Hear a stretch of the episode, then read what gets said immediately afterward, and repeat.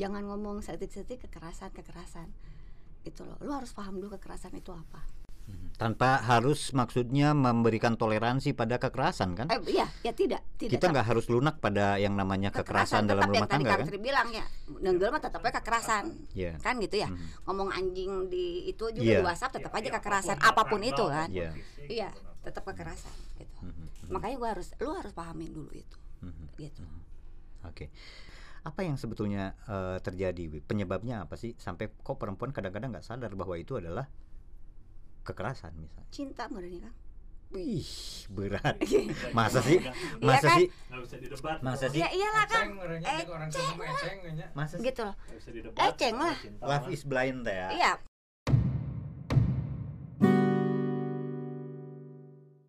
Aman ya Wi ya? aman dong Nah, karena aman, eh, kawan-kawan izinkan kami membuka masker dulu biar ngobrolnya lebih enak. Eh, tengap ya Wi nya. Tengap teuing. Oke, ya eh, teman-teman, jumpa lagi, ketemu lagi dengan kanal Indonesia Tanpa Stigma dan dunia itu tanggal 7 April itu sedang memperingati eh, Hari Kesehatan Sedunia. Kalau saya coba itu kan sebetulnya hari kelahiran WHO ya. Jadi Organisasi Kesehatan Dunia. Nah, saya coba intip di situs mereka di lamannya itu ada satu ungkapan yang buat saya ini sangat sangat apa ya luar biasa bercita-cita luhur membangun dunia yang kurang lebih ya membangun dunia dunia yang lebih adil dan lebih sehat gitu itu sesuatu yang wah ideal lah edan pisan ya namanya. Wihnya kebayangkan sesuatu yang apa ya disita-citakan sama semua orang lah. Yang lebih adil yang lebih sehat gitu. Nah eh kita akan ngobrol soal kesehatan tapi terutama karena juga yang sering kali menjadi bahan buat obrolan kita adalah soal HIV AIDS. HIV AIDS menjadi bagian dari soal atau isu-isu kesehatan itu kawan-kawan. Dan saya nggak sendirian ada ada eh, artis sebetulnya itu ada. Nikita Mirzani itu namanya Mirzani.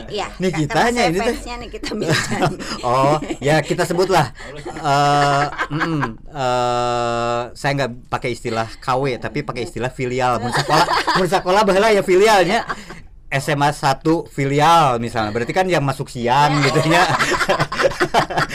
Saya nggak akan pakai istilah KW gitu ya Nikita Mirzani KW mual. Saya pakai istilahnya Nikita Mirzani eh, filialnya filialnya ya.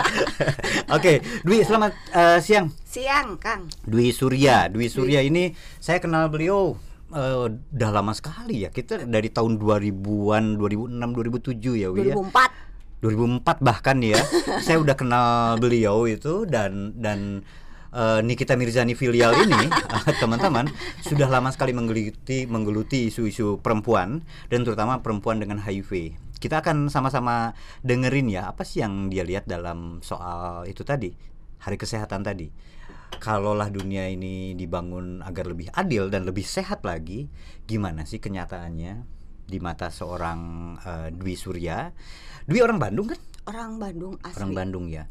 Eh di Kote kan sehari-hari selain ibu rumah tangga, aktivitas apa aja sekarang? Saya sekarang kerja di Female sebagai koordinator lapangan. Female itu berarti female plus ya? Iya, Female Plus. Ah, satu organisasi juga Iya. ya.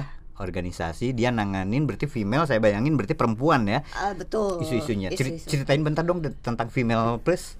Female itu sebenarnya Female didirikan di tahun 2004. Hmm. Di 2004 itu eh 2004 2006. 2006 eh, sama lima orang perempuan dengan HIV AIDS. Hmm, semuanya Gitu, perempuan, dan perempuan. semuanya eh, apa eh, memiliki HIV dalam Betul. tubuhnya ya. Kan Oke. zaman dulu mah masih eh, kur, masih iya ya. sebenarnya dari sebenarnya awal muasal itu dibentuk tuh dari NE.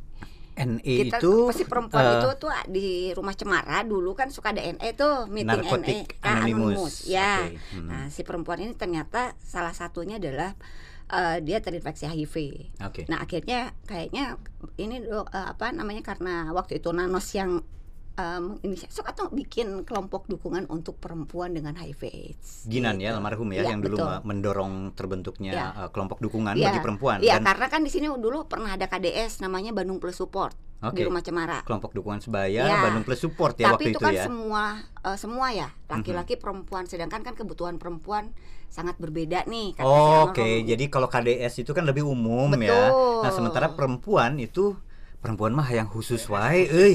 Hayang enggak, khusus karena wae. bukan pengen eksklusif karena kamu ngomongin selangkangan kan era laki teh enak ya gitu maksudnya aduh rek ngomongin Oke. selangkangan nah gitu loh Oke, Mau masuk akal, masuk nah, akal. akhirnya sok bikin sendiri gitu biar maksudnya biar curhatnya lebih enak kalau kita ngomongin masalah selangkangan Lebih nyaman lebih ya. nyaman Oke. intinya gitu tah Ah, eta Jadi terbentuklah Si itu Female Plus, itu. iya. Lama kemudian dia beraktivitas, bekerja dan seterusnya. Dwi eh, terlibat dalam awal pembentukannya waktu Iya, itu kan? ya Oke. si lima pendiri Artinya ini Diko salah satunya dari lima pendiri Iya. itu ya. Oke, saya berarti bicara dengan eh, orang yang bukan sembarangan.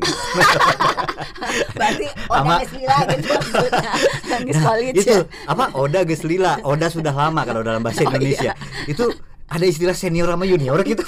Sehingga sekolah tahun aja sih tahun aja oh mah tahunnya udah udah kabur edun Oke, jadi memang sudah lama sekali kan me- menekuni eh, apa eh, isu-isu yang berkaitan dengan HIV dan AIDS kan? betul Apalagi soal perempuan. Balik lagi ke pertanyaan saya pertama tadi. Sewaktu female eh, terbentuk, kemudian itu kan 2000-an ya, mungkin ya nggak relevan juga, ber- pasti berbeda lah dengan situasi hari ini Oh, kan. betul.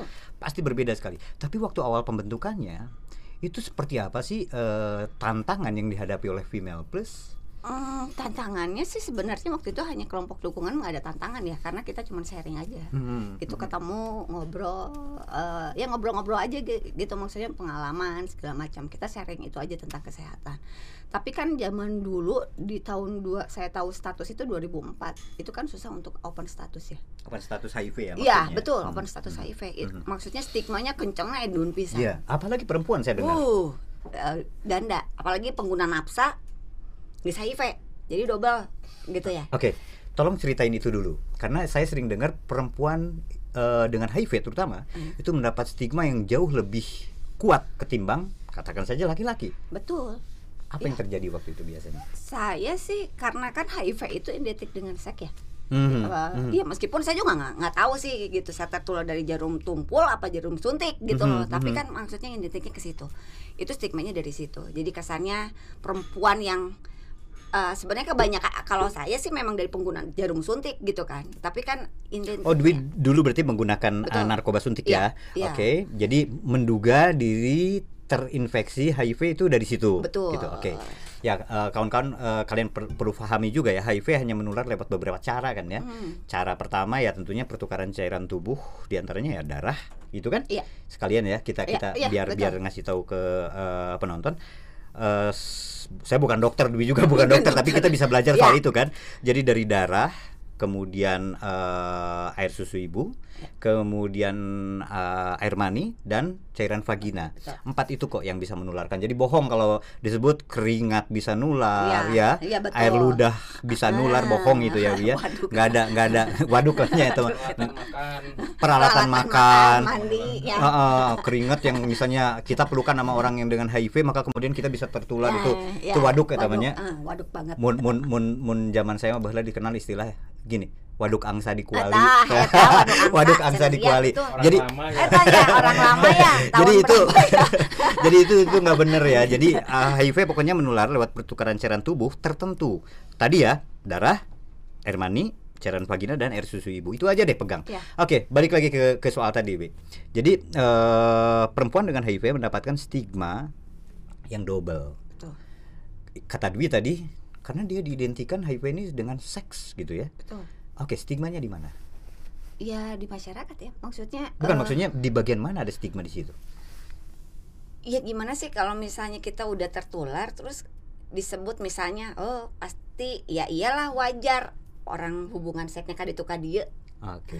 Maksudnya kan perempuan akan lebih apa ya kalau digituin teh maksudnya nggak nggak Hmm, begitu juga gitu hmm, maksudnya hmm, eh, emangnya vagina kita diumbar sana sini gitu Iya. nggak juga gitu Iya. tapi kan maksudnya nantinya ke situ kesannya kita melakukan hal yang memang senonoh ya nggak sewajarnya Iya, gitu iya, iya. pasti arahnya ke situ sih Yang dimaksud mah kayak istilah yang aneh juga kan, seks bebas sebenarnya. Nah, Kang. seks yang bebas Ya, teh. Jadi seks, yang tidak bebas teh nukumaha kumaha, gitunya, yang gitu. diikat gitu ya Iya. seks-seks. Oke, jadi eh, eh, juga yang saya pernah dengar kan eh, orang pada umumnya melihat perempuan dengan HIV itu jadinya ya double stigma tadi ya, lebih lebih wah ini mah pantesan aja dia demen sana sini, Ya. ngeseksnya sembarangan. Iya. Terus lagi makin narkoba. Tah, eta Mhm. Padahal perempuan kan harusnya begini, perempuan kan harusnya begitu. Hmm. Itu sering dialami, Wi. sering lah perempuan ngerokoknya diliatin zaman dulu mah Jadi eh, anggapan eh, itu jadi sangat miring ya Iya. penilaian dari orang-orang kepada Dwi dan teman-teman yang memang dia perempuan, terus HIV juga HIV positif, terus juga Narkoba- narkoba oge, dulu ya. menggunakan narkoba Ah. juga gitu kan. Oke, eh, jadi ya, ya, itu yang terjadi ya ah, selama ini. Balik lagi ke cerita soal female plus. Jadi female plus itu eh, berkembang memberikan dukungan pada Iya, sesamanya ya, betul. pada sebayanya. Itu eh, pada saat awal-awal terbentuknya female plus ya, Dwi ya. Kalau tantangan tadi Dwi udah cerita. Tapi kemudian dapat nggak sih eh, cerita-cerita dari teman-teman yang ikut m- apa ikut sharing. Kalau saya bayangin kan ya. sharing ya banyak sharing berbagi gitu. Kebanyakan mereka mendapatkan stigma yang serupa atau tiap orang mengalaminya spesifik misalnya. Yang ini makar apa di maksud saya gini apakah stigma yang dialami orang itu seragam sama semua perempuan ya? Hmm. atau beda-beda kasuistis? Beda-beda. Beda-beda. Beda-beda. Beda-beda. Hmm. beda-beda. Malahan ada yang stigma dari keluarga keluarga inti ya. Oke. Gitu. Eh, maksudnya kayak gelas dipisah Oh, itu- gitu gitu itu terjadi itu, ya? itu, itu ada. Ada yang dikosin gitu. Oh itu jadi ada. Ya. setelah ketahuan, ketahuan status status HIV-nya dikosin sama orang tuanya. Biar? Ya nggak di rumah itu karena emang informasi yang kurang pada saat itu. Takut tertular. Betul. Jadi gelas misalnya. Oke. Yang tadi akang bilang takutnya dari keringat juga bisa ya gitu sampai memang disuruh kos. Disuruh kos ya? Ya. oke. Nah kemudian eh, saling memberi dukungan ya female Ya. plus ini satu sama lain. Apa yang kemudian eh, terjadi setelah itu eh kita lama sih lama eh, apa namanya kita nggak pernah dapat apa pun ya. Jadi cuman KDS itu hampir berapa puluh tahun.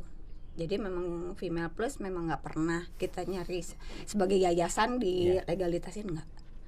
Kita lama baru di 2016 jadi dia mau komunitas aja ya Betul, waktu itu ya iya, ngumpul, ngumpul, udah, berbagi. ah, ngaliwat gitu-gitu aja lah. Ngaliwat Ah. sharing ya berbagi tadi kemudian memberi memberi kekuatan satu sama Iya. lain ya. Apa dampaknya setelah berbagi seperti itu? Banyak nggak sih? Sorry pertanyaannya sih jadi numpuk-numpuk ya. Eh, banyak nggak di awal-awal itu yang ikutan? Kalau Eh. sharing kayak gitu. waktu tahun 2004 masih sedikit banget. Seberapa sedikit itu ah nggak 20 persen ya. Maksudnya kalau kita ngelihat kan biasanya eh, BPS dulu eh, nih yang close meeting misalnya eh, pertemuan dulu tuh. Hmm, hmm, hmm. nanti baru disuruh sok perempuan ngumpul. Perempuan yang ngumpul. Itu cuman berapa persennya? Berapa persen kalau dijumlahkan dengan jumlahnya angka cuma sekitar 5 sampai 5 7 sampai orang. 7 orang ya setiap pertemuan itu Betul. ya. Itu rutin eh, dilakukan dulu seminggu sekali Rabu atau di setiap minggu ya mingguan ya tiap di rumah minggu. cemara ya? Iya. Oke menarik jadi eh, ngumpul tujuh orang kurang Iya. lebih berbagi betul saling me- apa menguatkan satu Iya. sama lain oke Nah, dulu di rumah Cemara kan ada waria tuh. Karena kalau BPS itu kan ada waria, ada LSL ya. gabungan ya Gabungan. semua. Nah, akhirnya waria itu ikut di female. oh waria kenapa pertimbangannya begitu eh dia lebih nyaman ke perempuan. Untuk cerita masalah yaitu selangkangan. Mhm. terus masalah kesehatan tuh lebih nyaman ke situ. Akhirnya dia ngikutin di female. Berapa puluh tahun? Berapa puluh tahun. Iya, jadi orang di itu. situ ya Iya. akhirnya. Nah eh singkat cerita bertahun-tahun female eksis. Hmm. kemudian apa sih yang kalau Dwi karena Dwi itu termasuk yang apa ya mengawali ya mengawali female plus ini? Tentunya ngelihat dong saya nggak pengen bicara program ya capean atau Ya. apa. Nggak indikator nggak deh. Saya malas hoream lah. Yang saya pengen tanya justru apa sih yang sudah diperoleh dari situ? Adakah perubahan yang terjadi setelah itu? Eh, di 2016 female akhirnya memutuskan untuk legalitas sebenarnya. Oh jadi eh, bikin, bikin akta akte jadi- notaris, jadi, gitu. organisasi resmi. Betul. Ya di 2016 di situ juga kita dapat dana sebenarnya Mhm. dari donor sebelah lah Hmm. gitu itu pun didorong oleh rumah cemara Mhm. jadi memang kalau ini sejarahnya memang rumah cemara ngedukung banget lah untuk program Vima saat ini sampai Mhm. detik ini ya Mhm. gitu jadi kita di sok mau kayak gini terus gitu loh akhirnya eh, singkat cerita dulu eh, pendampingan itu kan cuma hanya di rumah cemara ya untuk Hmm. Oda pendampingan khusus Oda. Nah pada saat itu di 2016 akhirnya kita ditawarin sama rumah cemara sok maju gitu female untuk ini untuk eh, apa eh, ngelola program itu gitu untuk pendampingan Oda. Akhirnya kita maju. Alhamdulillah lolos. Ya udah sampai detik ini kita ngurusin apa ya pendampingan untuk Oda Oke, jadi eh, pendampingan untuk Oda masih jalan ya masih hingga hari ini se Jawa Barat kalau female untuk female plus Iya. ya di Jawa Barat. Dwi, eh, pendampingan pada orang dengan HIV atau so- sorry pendampingan pada perempuan dengan HIV itu eh, dibandingkan dengan pendampingan saya nggak tahu ya pada laki-laki atau pada waria atau pada gender yang lain misalnya itu eh, seperti apa sih bedanya? Bedanya anti kalau perempuan kang mana misalnya eh, dia memikirkan cost sebenarnya Bi- budget Biaya. Mm-mm. kalau misalnya ngambil obat dia nggak ada uang daripada saya ngambil obat mendingan buat makan Hmm. gitu Padahal obat itu untuk eh, Untuk obat ARV kan? betul untuk yang dia konsumsi setiap hari Iya, sebenarnya antiretroviral ya, Betul. obat untuk menekan perkembangbiakan si virus. uh, virus HIV Ya. dalam tubuh seseorang ya, Ah, sehingga dia nggak berkembang terus ya. Iya. Dan itu harus dikonsumsi setiap hari setiap kan? hari Pada saat yang sama juga kan? Jamnya, iya. Rutin gitu ya, nggak boleh putus Iya. obat. Tapi ada pertimbangan tadi dari Iya. perempuan. iya Kok bertaruh terlalu banyak ya? Maksudnya? iya ya apalagi kan kebanyakan single parent Hmm, perempuan dengan HIV yang ditinggalkan pasangan pasangannya meninggal oke. dia tertular dari pasangan hmm, ya dia istilahnya dia single parent harus ngebiayain anak dan segala macem gitu loh hmm. terus dia juga nggak kerja mending kalau misalnya dia open status sama keluarganya kebanyakan kan nggak open status sama keluarga Hmm, oke. Jadi Itu. keluarga malah nggak tahu sebetulnya. nggak tahu Jadi dia memutuskan untuk ah mendingan buat makan Iya. daripada beli obat. iya kebanyakan gitu untuk ongkos aja dia ke layanan itu sangat sulit belum lagi misalnya bayar obatnya ya obatnya emang gratis tapi kan ada eh, apa namanya Administrasi ya. administrasinya Hmm. gitu kebanyakan begitu Terus apa yang dilakukan oleh teman-teman female kalau udah begitu? Female plus ya maksudnya sebagai organisasi. Iya di kita ngarahin untuk dia punya BPJS sebenarnya Ah, Oke. Iya, tapi kan nggak semua BPJS juga tetap harus dibayar ya kan. Gitu. Yang tadinya dia punya BPJS gitu, karena pasangannya meninggal terus akhirnya dia nggak bisa bayar, ya kebanyakan yang ngutang BPJS Hmm, gitu. Jadi kalau teman-teman sih biasanya gitu suka hubungin KPA, hmm, minta tolong, minta bantuan. ya. minta bantuan. Oke. Ini kan saya ngedengar cerita Dwi barusan, saya ngebayangin ada soal soal ketidakberdayaan jadinya ya. Betul. Apalagi tadi Dwi menyebutkan misalnya satu waktu suaminya meninggal, dia jadi tidak berdaya, Iya. nggak punya uang. Apakah ke, eh, sebetul eh, apakah sebelumnya female plus Dwi dan teman-teman itu tidak melihat bahwa oke berdayakan perempuannya. Eh biar dia bisa menghasilkan uang sendiri, biar dia bisa mandiri misalnya. Itu dilakukan nggak Wi waktu itu? Waktu itu ya kita lakukan ya Kang, Mhm. lakukan. Cuman kan sebatas kita melakukannya juga perlu apa ya? Perlu ekstra sebenarnya ya, gitu. Ya maksudnya tangan kita nggak cuma dua. Sebenarnya kan yang punya dana itu istilahnya dinas-dinas ya. Sebenarnya kan Oke. eh ngerti nggak sih? maksudnya Pak nggak nggak saya sih saya sudah ngajurin ke sini-sini tapi mentoknya adalah satu eh, birokrasi ya. Itu itu yang sangat sampai sampai detik ini sih sebenarnya. Emang kenapa dengan birokrasi di kita? Eh, Pak di negeri kan? ini Pak Baliet inilah kalau saya ngomong sama aktivis pasti kayak gini Ya maksudnya kan di dia mah boleh jujur dong gitu Iya emang dong. sampai detik ini juga Iya, Pak Beli itu yang gitu loh. dirasakan Iya, ya gitu dan loh. dan itu sah dong orang menilai itu ya Iya karena kan, gitu. karena Dwi mengalami sendiri Iya gitu begitu maksudnya Hmm. eh, ini ada pasien misalnya ibu rumah tangga dia nggak punya uang nih terus ya anak-anak juga pendamping juga sama-sama Oda dia juga hanya bekerja sebagai di, kerja di LSM berapa sih Kang gitu kalau buat ngebiayain sebulan terus mah ya sekali mah nggak jadi masalah tapi kalau Terus-terusan. terus-terusan gimana gitu ya terus misalnya kita lapor ke apa namanya buat bikin SKTM itu kan birokrasi kan Surat Terus keterangan tidak, tidak mampu, itu ya. mampu. Mhm. gitu misalnya BPJS-nya ke UHC deh gitu apa ke, ke PPI yang dibayarin pemerintah tapi Iya. kan tetap birokrasi ke RT ke RW ke kecamatan itu susah Itu yang dialami ya. Akhirnya itu jadi eh, salah satu kendala ya Iya. eh, yang dialami oleh teman-teman. Kota Bandung sekarang tapi udah agak sedikit oke ya Hmm. kalau aku ngelihat karena eh, bukan iniin cuman KPA-nya memang eh, kebetulan si ada koordinator IP itu dia sering ngurusin BPJS Oke, IP Ikatan Perempuan, Positif, Indonesia, ya. Jadi kita Oke. kadang suka kerja. Tapi yang di luar sana Kak. Mhm. Yang Karena female kan megang si Jawa Barat ya. Kita nggak Iya. ngomongin Kota Bandung aja, Iya. tapi bagaimana yang di Majalengka? Bagaimana dengan yang di Indramayu? Mhm. Apa kebanyakan kan perempuan ya? Yang itu kebanyakan perempuan. Hmm. Itu menarik Kang kalau Kenapa? misalnya Ken- ken- kenapa kebanyakan perempuan? eh, kebanyakannya perempuan karena kan kerja TKI. Oh, Eh, iya. Tapi- daerah Indramayu, daerah itu kan sebagai sentra ini ya, Betul. apa pusat eh, apa biasanya Ya, biasanya banyak yang bekerja di iya. luar eh, negeri. Mm-mm. Jadi tenaga kerja juga. Indonesia, pekerja Jangan kan juga. Cianjur. Eh apa Indramayu, Cianjur pun banyak. Nah, Oke. Mhm. Cianjur ya. Gitu. Ya, saya bayangin eh, isu perempuan dengan HIV ini nggak ada habis-habisnya ya. Jadi apalagi tadi di awal Nikita Mirzani filial ini mengungkapkan soal stigma yang berlipat-lipat, kemudian juga pada kenyataannya mereka menghadapi persoalan-persoalan yang tadi yang rumit tadi. Iya, makanya kalau WHO mau bilang adil, kayak kan adilnya belah mana gitu. Oke. Yang dicita-citakan, Oh, iya, membangun cita-cita. dunia yang lebih Oh, adil. mah teman onnya. Iya dong. Iya dong. Kayak Indonesia tanpa stigma itu kan Iya, cita-cita kan. cita-cita, iya. Stigma masih ada ya memang hari ini juga masih ada Iya. kan gitu. Oke. Tapi kalau aku ngelihatnya stigma ini agak sedikit berkurang. berkurang ya kalau Oke, menurut ceritain aku. ceritain. Kenapa kenapa bisa begitu? Ya enggak sih, maksud aku sih karena mungkin sekarang teman-teman udah berani bahwa kayak misalnya teman-teman IP di Kota Bandung aja, aku lihat nih, yang tadinya dia nggak pernah mau open status, sekarang kebanyakan ada banyak open status gitu. Itu jadi salah satu indikator gitu kalau misalnya orang jadi salah satu ciri gitu kalau orang udah mulai bisa open status HIV-nya, saya HIV positif misalnya.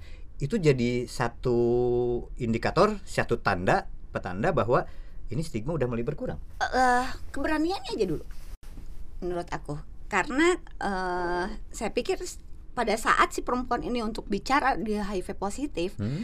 ya maksudnya kan di- masyarakat akan bisa menilai ya dibandingin Oke. dokter yang ngomong di luar sana banyak orang perempuan yang HIV positif tapi Oke. dokter yang bicara tapi kalau misalnya orang itu yang open status si orang HIV-nya dia akan berbeda berpikiran apalagi dengan ibu rumah tangga yang emang sholat ngegetol gitu Hmm. terus dia juga tidak melakukan eh, apa yang beresiko karena dia tertular dari pasangan Hmm. Hmm. terus harus nyalahin perempuan itunya enggak juga kan Hmm. gitu lah Ya, jadi i- intinya sewaktu misalnya makin banyak orang yang katakan saja tadi eh, mengungkapkan status HIV positifnya, maka itu sesungguhnya lebih sudah lebih baik ya. Berarti maksudnya gini, udah nggak ada ketakutan yang berlebihan lagi soal stigma tadi. betul Oh, kalau oke. menurut aku ya di kota Bandung udah agak sedikit eh berkurang berkurang. Ah. Apa yang bisa membuat stigma itu berkurang, Wi? ya itu mungkin kalau dilihat eh, orang sekarang jumlah angka dengan orang dengan HIV AIDS juga udah banyak juga ya Mhm, mhm, gitu loh eh apalagi ya maksudnya kan sekarang teman-teman itu apa ya pakai handphone yang canggih-canggih dia akan lebih tahu nih gitu Oh, informasi maksudnya. informasinya dibandingin waktu sok saya ketemu akang Mhm, mhm, saya masih mewek-mewek meren Mhm, zaman dulu ya mhm, gitu maksudnya yang nggak tahu status maksudnya nggak tahu informasi itu nggak bisa nyari sendiri gitu Iya, loh iya. kalau nggak ada KDS itu kan kita nggak tahu nggak nggak bisa nyari sendiri Oke, gitu. di zaman sekarang berarti KDS itu masih butuh nggak sih? menurut aku masih butuh lah Tapi kan sekarang kata Dwi tadi udah banyak sosial media, iya, enggak, udah tapi ada gadget, beda, udah ada Kak. Beda kalau ya? beda Oke, di mana bedanya? beda kalau misalnya kita misalnya kelompok eh, ketemu sama orang Ah, gitu ya kita ngerasa nih nggak sendiri gitu loh oh orang teh maksudnya kita yang HIV positif nggak sendiri mhm. gitu oh ternyata dia juga oh penyakit kita itu nggak lebih bagus dari dia gitu maksudnya dia tuh misalnya dia kena TB gua nggak gitu loh Hmm, hmm. alhamdulillah ternyata ada yang lebih parah dibandingin gue gitu Mensyukuri orang eh lebih enggak parah. enggak tapi maksudnya oh berarti aku tuh sekarang maksudnya di, jalan yang bukan eh, maksudnya pengobatan aku bener nih gitu loh Oke. Itu kan bisa sharing Jadi jangan-jangan kemudian merasa terpuruk sendiri Iya, gitu ya. betul, Oke. gitu. Itu kan bisa diperoleh juga dengan gadget ini. beda kan kalau Beda gitu? ketemu tuh maksudnya ih oh iya maksudnya kan kadang kita ngelihatnya orang HIV teh tulang jeng hitutnya gitu Aha, awaknya teh segede kieu gitu Nah, pas ngelihat eh itu gendut gini kan eh itu masih tah hal-hal yang kayak gitu sih sebenarnya Iya ya, yang nggak bisa ditampilkan lewat sosial media, Betul. internet dan seterusnya. Jadi pertemuan visi kayak gini itu tetap Iya, bermanfaat iya. ya untuk memperkuat satu sama Betul. lain ya Dwi ya. di apa maksudnya kita eh, dielus aja Mhm, Lain ya. lain rasanya Si Dwi mah yang dilulus. jika ucing Jika ucing. Oke. eh, dari female plus eh, kan saya dengar juga Dwi itu jadi dewan nasional ya. Gaya bisa. Dewan Jadi nasional. tadi kami menyebut satu organisasi lain namanya Ikatan Perempuan Positif Indonesia ya. Nah, Dwi itu eh, di IP tadi. IP itu Dwi sebagai eh, dewan nasional ya Oh. untuk IP. Ceritain dong, apa sih yang dilakukan IP saat ini? IP sekarang lagi ke isu kekerasan perempuan sebenarnya Nah, itu dia. ya pendampingan untuk kekerasan perempuan Tapi perempuan dengan HIV dalam hal Iya, ini ya. betul Emang seberapa parah Dwi terjadi? wah kang kalau diceritain mah panjang Apa? Kita punya durasi yang panjang sebetulnya kalau mau seharian Iya. juga oke. Eh, menurut aku eh, mak- maksudnya panjang ya tadinya aku nggak eh, gini deh Eh, kalau kita ngomongin masalah Terus semangat tinggi lah kelang sambil ngopi lah, sambil ngopi. ngopinya sambil ngopi ya oke kang Tapi resep memang ngabu latuk gitu ya. Ya, makanya saya kalau ngelihat nih kita terus Bercanda. Udut udut boleh udut Lanjut Dwi. Iya. Eh, Eh, maksudnya panjang kan cerita tentang Panjang. kekerasan eh, dalam rumah tangga, terutama yang dialami oleh perempuan dengan HIV. betul Seberapa panjang itu dan apa aja sih yang terjadi? Eh, perempuan itu nggak ngeh kalau eh, dia mendapatkan kekerasan sebenarnya dia Hmm. tuh nggak tahu kalau itu tuh kekerasan jadi misalnya kayak eh, lu kayaknya badannya gendut nih gitu. Oh ya nggak apa maksudnya hal-hal yang kayak gitu tuh nggak dianggap sebenarnya. Eh maksudnya apa ya? Dia nggak sensitif. sensitif gendernya kurang sebenarnya gitu loh. Saya bisa ngomong gini karena saya eh, korban kekerasan. Hmm, dulu awal nikah. Oke. ya saya korban kekerasan dari pasangan Oke. eh itu awal-awal menikah sih Kekerasannya fisik, verbal Fisik. kan ke- yang saya tahu Fisik, kan fisik. kekerasan itu macam-macam ya. Fisik bahkan. fisik Kan banyak juga yang mengalami eh, seperti Fisik. Dwi yang tidak harus HIV tapi perempuan biasa. Maksudnya bukan perempuan biasa. Perempuan yang tidak HIV juga banyak mengalami itu. Apa yang Iya. lebih eh, perlu diperhatikan dari soal perempuan dengan HIV? eh i- dulu sih saya nggak ngerti ya kang karena eh, saya menikah saya nggak kerja dulu ibu rumah tangga sebenarnya itu kekerasan terjadi sebenarnya Oke. biasa saya kerja terus yang harus namprak kasar lagi gitu ya Oh, kan oke. eh, maksudnya ekonomi sih Iya. biasanya saya Ketidakberdayaan tadi ya. Iya, Jadi bergantung betul. ya, Tergantung bergantung pasangan. pada pasangan. Ya. Nah, Gitu. lalu kemudian terjadi kekerasan, Kekerasan. itu. kekerasan Oke. hampir dua tahun eh tiga tahunan Oke. tiga Oke. tahun Fisik ya. fisik fisik. Dan dan verbal lah pasti. Ya fisik dan verbal terus ya maksudnya fisik dan verbal. Benar Hmm. kata Patri fisik dan verbal mah nggak jelasnya gitu maksudnya. Mhm. eh, kata-kata mah nggak udah Hmm. kayaknya udah makanan sehari-hari jadi nggak dianggap. Tapi kalau misalnya ditunggal teh kan nyerina edannya gitu. Tapi memang sebenarnya aku baru paham. Perempuan begitu itu ada nggak mungkin cowok tiba-tiba jual nunggal gitu kan mau mungkin ya kak Pat? Benar nggak sih? Mhm. Aku aku orang yang memang harus objektif ya. Hmm. nah ada satu eh, rumah tangga itu nggak bisa diajak ngobrol. Hmm. karena lu nggak bisa diajak ngomong. Si perempuan ini nggak bisa diajak ngomong. Gua- aku tipikal orang nggak bisa diajak ngomong. Oke. jadi eh, kayak mak-mak kampung kumasih pat. Anu anu ah sampai Ah, aja. perempuan kota juga banyak yang begitu perempuan berpendidikan tinggi Itu ya. mah stereotip. gua gua stereotip itu. ya tapi gua begitu pak gua tipikalnya gitu. Jadi gua yang gitu.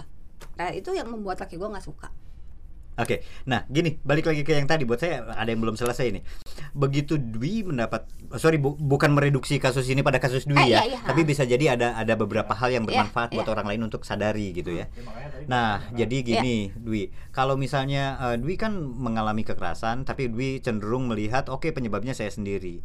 Nah, tapi bukankah yang namanya kekerasan adalah kekerasan, jadi dia, dia nggak boleh. betul betul iya Jadi kenapa Dwi harus memaklumi itu? Eh, enggak. Atau itu bukan memaklumi? Mem- bukan memaklumin pada saat sudah selesai semuanya ya Oke. Oh ternyata orang teh baheula teh Ada kesadaran kesadar- itu. ya maksudnya pada saat kita diobrolin itu nah pada kejadian itu Kang aku tuh nggak kerja ya Mhm. Eh, ceritanya ce- eh, apa akhir ceritanya tuh gua nggak kerja terus ak- akhirnya karena gua juga masih pakai zaman dulu oh, masih mak Make gua nar- pakai lagi ya Oke. eh, dua-duanya dua-duanya Asa- eh, apa kamu dan pasangan Iya, aku dan pasangan tuh pakai lagi lah ceritanya dan terjadilah itu ya yang namanya wakas ya.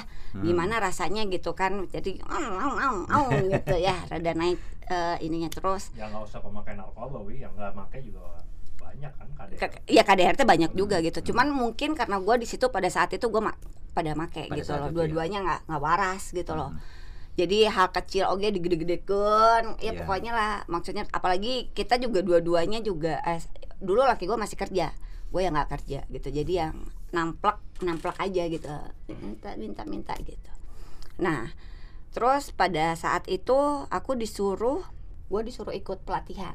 Hmm. Eh, ada pelatihan HKSR Hmm. Ah, ikutlah ke Bali tuh Hmm. ikut ke HKSR oke di situ Hak gua- kesehatan, hak kesehatan seksual seksual dan reproduksi. reproduksi. Ya, gitu. Di situ kan ada ngomongin kekerasan ya, kekerasan dan segala macam. Baru gue, oh kia gini kan, oh gini. Ya maksudnya, nah di situ gua nggak berhenti di situ. Ada ada fasilitator itu baik banget namanya Mbak Vira. Gua kalau ini ngucapin Mbak Vira makasih banget gitu ya kalau Mbak Vira lihat gitu. Gue ngucapin Mbak Vira, Mbak Marsia sama Mbak Asti gitu. Itu aku sampai tiga bulan itu aku selalu di WhatsApp setiap hari. Hmm. Uh, terus aku di sana juga di kayak di hipnoterapi. Oke. Ternyata di pas di hipnoterapi itu jadi aku punya diambil benang merahnya. Jadi gue tuh eh, apa ya? traumatik Hmm. karena dulu ibu bapakku begitu gitu loh. Jadi dulu kamu ngontrol ke AWW gitu ya, dibawa gitu loh, ngerti kan? Iya, iya, Nah, iya. traumatiknya. Jadi aku itu traumatik. Jadi ngelihat laki-laki itu pasti begitu ya. Hmm. Padahal suamiku nggak melakukan itu, tapi gue pikir lu melakukan hal yang sama. Hmm, hmm, hmm. Jadi aku punya traumatik. Oke, dari pengalaman pribadi seperti tadi, Dwi, kemudian apa sih yang yang bisa Dwi pelajarin untuk teman-teman perempuan lainnya? Ya, akhirnya sekarang saya bilang ke teman-teman gitu loh. Maksudnya eh, teman-teman harus paham dulu gitu loh. Maksudnya harus paham ya. Jangan ngomong setik-setik kekerasan kekerasan gitu loh. Lu harus paham dulu kekerasan itu apa. Tanpa harus maksudnya memberikan toleransi pada kekerasan kan? Eh, iya, ya tidak, tidak. Kita nggak harus lunak pada yang namanya kekerasan, dalam tetap rumah yang tadi tangga kan? Tri bilang ya, nenggel mah tetapnya kekerasan. Iya. Kan gitu ya. Mhm. Ngomong anjing di itu juga Iya. di WhatsApp tetap Ya, aja ya, kekerasan apa pun, apa pun itu kan. Iya. Iya, gitu. tetap kekerasan gitu. Mhm, mhm, Makanya gua harus lu harus pahamin dulu itu. Mhm. Gitu. Oke. Apa yang sebetulnya eh, terjadi? Wi? Penyebabnya apa sih sampai kok perempuan kadang-kadang nggak sadar bahwa itu adalah kekerasan misalnya? Cinta merenya kan. Wih, berat. Masa sih? Iya Masa kan? sih? bisa didebat Masa sih? Ya iyalah kan. Eceng Eh, nya. Masa sih? gitu loh. Eceng lah. cinta Love is blind ya. Iya, beberapa teman buta. nih ya nikah Masa udah sih? berapa tahun gitu. Terus dia tuh misalnya, misalnya nih ya, misalnya dia baru sekarang dilakukan eh, sama pasangannya baru sekarang, tapi dia tuh sebenarnya kekerasannya tuh udah beberapa puluh tahun Hmm, sama pasangannya. Misalnya, toket kamu kecil ih, mhm. gedein tuh gitu. Itu Kayak kata dia. pasangannya. Ya kata pasangannya itu kan maksudnya buat perempuan mah edannya gitu maksudnya asa ditubles nanti ditubles banget Iya, iya, gitu. iya, iya. Iya. Eh iya Jadi- toketnya payudara gitu terus bujur kau eh ah, bujur pantat kamu kecil ih gitu. Itu mah buat perempuan mah waduh. Itu sebuah penghinaan ya. Iya. Bukan saja penghinaan tapi kekerasan Ke- ya, verbal ya. Eh iyalah eh, maksudnya bu- buat perempuan tuh udah Shaming ya.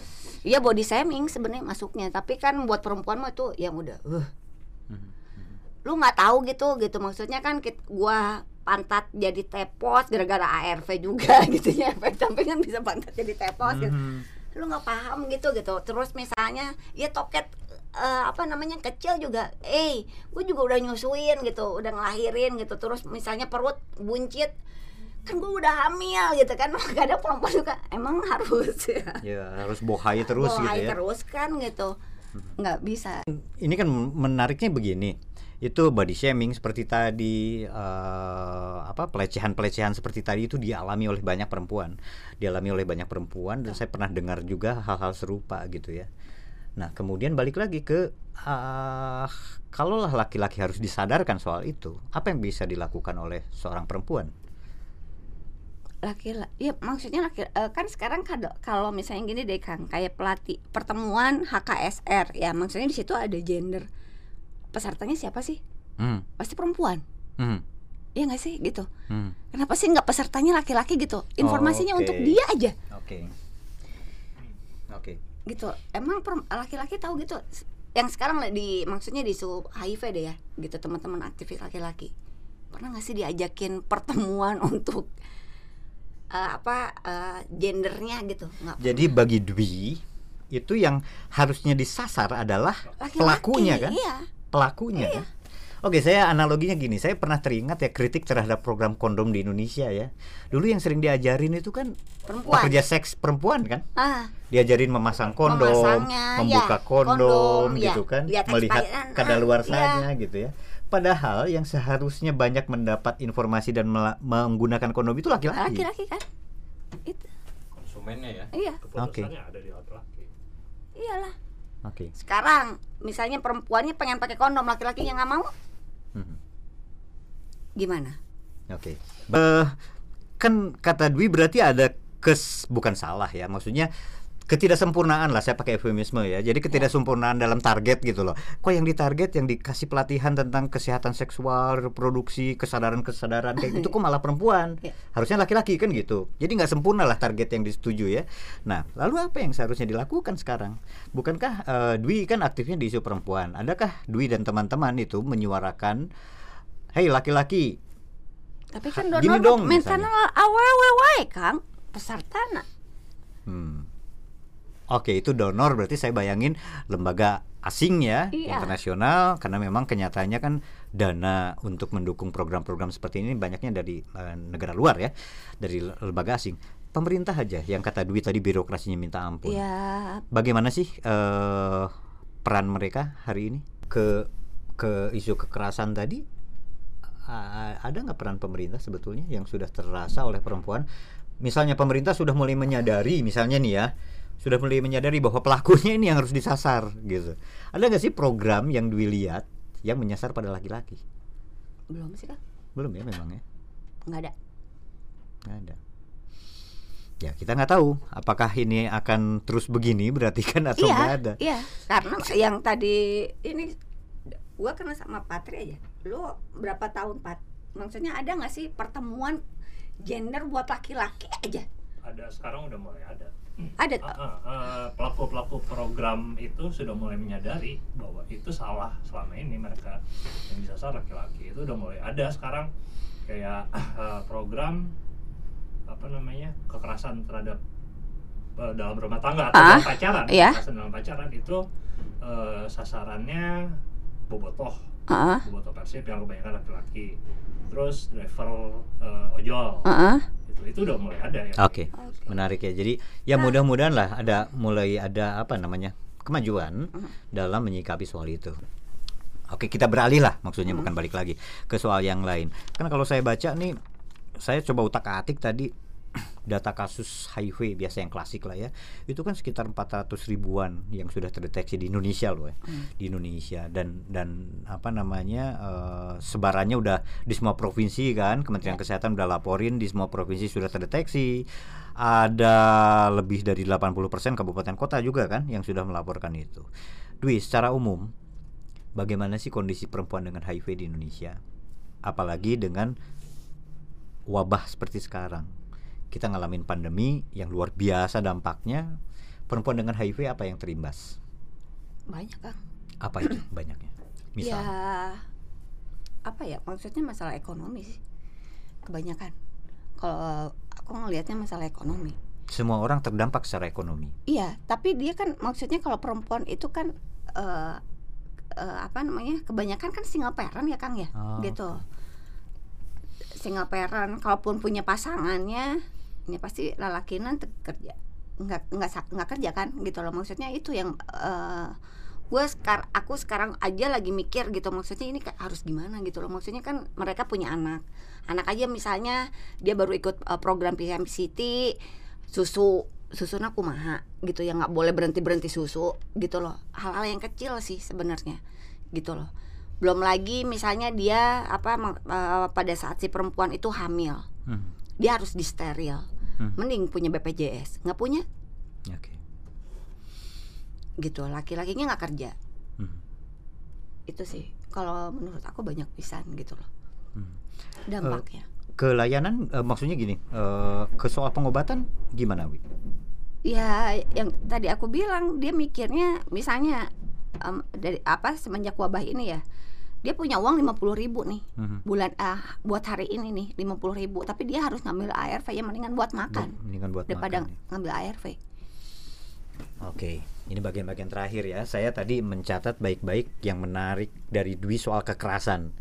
Saya pernah dengar dan bahkan ada survei ya, tapi saya nggak akan ungkapin di sini surveinya karena takut salah. Saya lupa deh, baru membacanya selintas. Jadi konon konon eh, di zaman pandemi seperti sekarang ini, kekerasan dalam rumah tangga meningkat dan perempuan banyak jadi korbannya. Dwi melihat hal yang sama nggak? Ya. Oh iya. Ya. Terjadi pada perempuan ya kekerasan itu meningkat ya pada saat pandemi. Kenapa sih Dwi? Karena lebih sering panggih gitu, lebih si sering eta ketemu. oge Kang aku ngelihatnya Hal itu kecil juga. jadi besar gitu. aku ngelihatnya itu kalau ya eh, maksudnya dari eh, misalnya yang tadinya dua-duanya kerja terus apalagi yang kemarin WFA-nya gitu kan sabra minggu orang WFA gitu yang pertama-pertama tuh Iya, yang pertama-pertama ya. itu Jadi banyak di rumah, ketemu terus, ketemu terus terus duit oge pas-pasan Pas-pasan. bahkan makin berkurang ya. makan Ipis, makin ya. berkurang. Mm-mm. ya itu Jadi Kalau banyak aku sih sumber itu. konflik jadinya. hal Oke. kecil jadi besar gitu loh IP atau female plus lah yang tempat Dwi eh, berkarya dan dan di- menekuni kegiatan-kegiatannya itu pernah mendapat ini nggak? Mencatat nggak? Eh, mendokumentasikan nggak sih? Eh, belum karena. IP kan baru ya Kang ya? Baru baru kemarin workshopnya gitu. Karena untuk pendampingan eh, kekerasan. Pendampingan perempuan dengan HIV untuk kekerasan gitu loh Eh, apa kota Bandung salah satunya Hmm. gitu loh Eh, kalau misalnya kita dokumen di, dokumentasiin nggak belum ada sih jumlahnya berapa tapi kita hanya teman-teman deket aja pendampingnya itu ada tiga gue Teti sama Hesti sebenarnya di Mhm. kota Bandung gitu loh Hmm. itu eh, apa baru baru sekarang kalau misalnya dari curhat curhatan mah ya ke aku aja yang curhat nih ya selama wabah ini nih ya Ya.